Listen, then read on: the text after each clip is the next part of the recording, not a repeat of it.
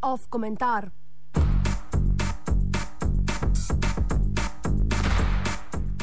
Korupcija v Sloveniji in odrešilni romanticizem.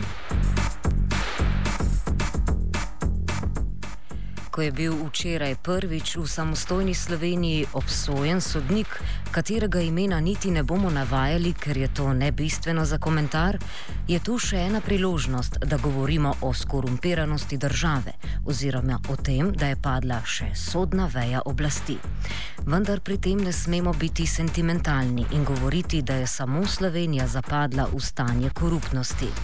Slovenski kritiki korupnosti, med drugim tudi ustajniki in na novo ustanovljene stranke, zelo radi Slovenijo prikazujejo kot nekakšno anomalijo, pri čemer pa spregledajo dejstvo, da je korupcija inherenten del kapitalizma. To sicer ne pomeni, da je v socializmu ni bilo. Lahko pa razširimo argument in rečemo, da je korupcija inherenten del človeštva in tudi nekaterih živalskih vrst pri slednjih seveda korupten libido.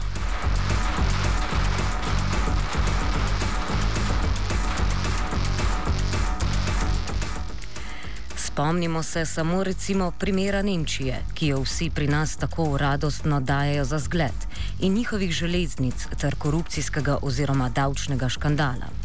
Lahko bi primere po Evropi naštevali v nedogled. Treba je z rezervo jemati teze pravnika Mira Cerarja, da smo zgolj zašli in da bi lahko bilo bolje, kar se tiče stanja družbe, korupcije in tako dalje. To so predpostavke pozitivne politične antropologije, katere hipoteza je, da je človek po naravi dober. Rusojevski romanticizem o naravnem stanju, vendar resnica leži bolj na strani Hobsa. Vsaj tako kaže zgodovina.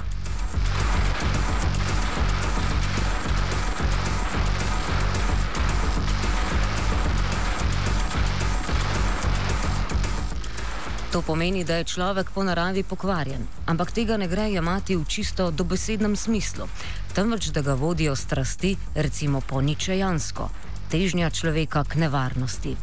Konec koncev, brez negativne politične antropologije človeka prava sploh ne bi potrebovali.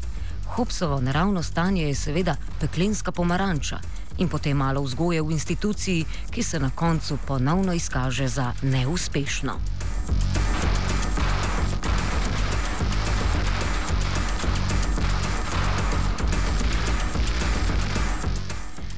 Zato je malo preveč romantično poslušati teze, kako smo sedaj zašli kot družba v Sloveniji, kot da je pa prej skozi zgodovino bilo vse v redu. Seveda ne mislimo samo na Slovenijo. Korupcija, ne samo v denarni obliki, je vedno bila in vedno bo. To je bolj realna predpostavka. Morda je to žalostna predpostavka.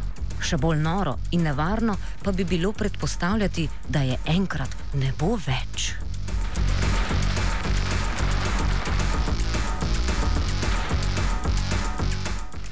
Komentiral je Urh.